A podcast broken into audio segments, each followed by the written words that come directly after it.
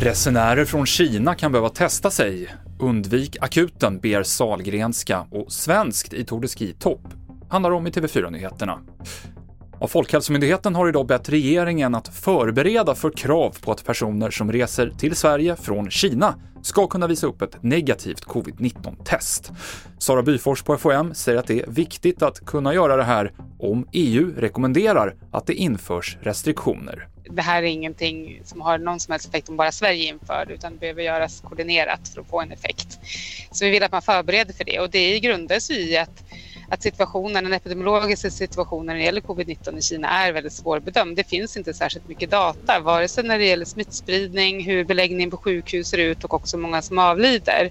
Och sen till sist också så vet vi väldigt lite om vilka virusvarianter som cirkulerar i Kina nu. Om det är samma varianter som, som vi har här eller om det är nya varianter som sprids och delvis då kan förklara den höga smittspridningen.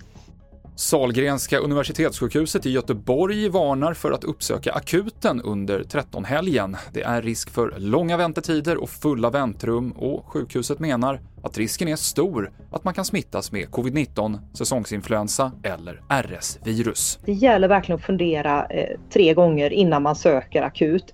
I första hand be om råd 1177, höra med sin vårdcentral och är man gammal och skör och redan har hjälp av hemsjukvård eller vårdas på särskilt boende eller korttidsenhet, då tycker jag vi ska göra allt, vi läkare från sjukhus och primärvården, att komma ut och ge bedömningar och vård på plats istället för att man ska behöva komma in mitt i den här ganska tuffa miljön.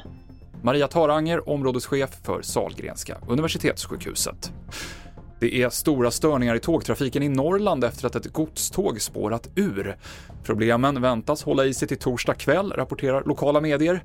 Tågtrafiken står helt still mellan Örnsköldsvik och Kramfors, vilket gör att även sträckan mellan Sundsvall och Umeå försenas, ersätts med bussar eller leds om. Det var igår som ett lok hoppade ur rälsen på en svåråtkomlig plats och det behövs en kran för att lyfta bort det. Vi avslutar med längdskidor och Tour de Ski. Frida Karlsson vann dagens etapp på 10 km klassiskt i överlägsen stil och därmed tog hon även över den totala ledningen i Tour de Ski. Fler nyheter finns på tv4.se. Jag heter Mikael Klintevall.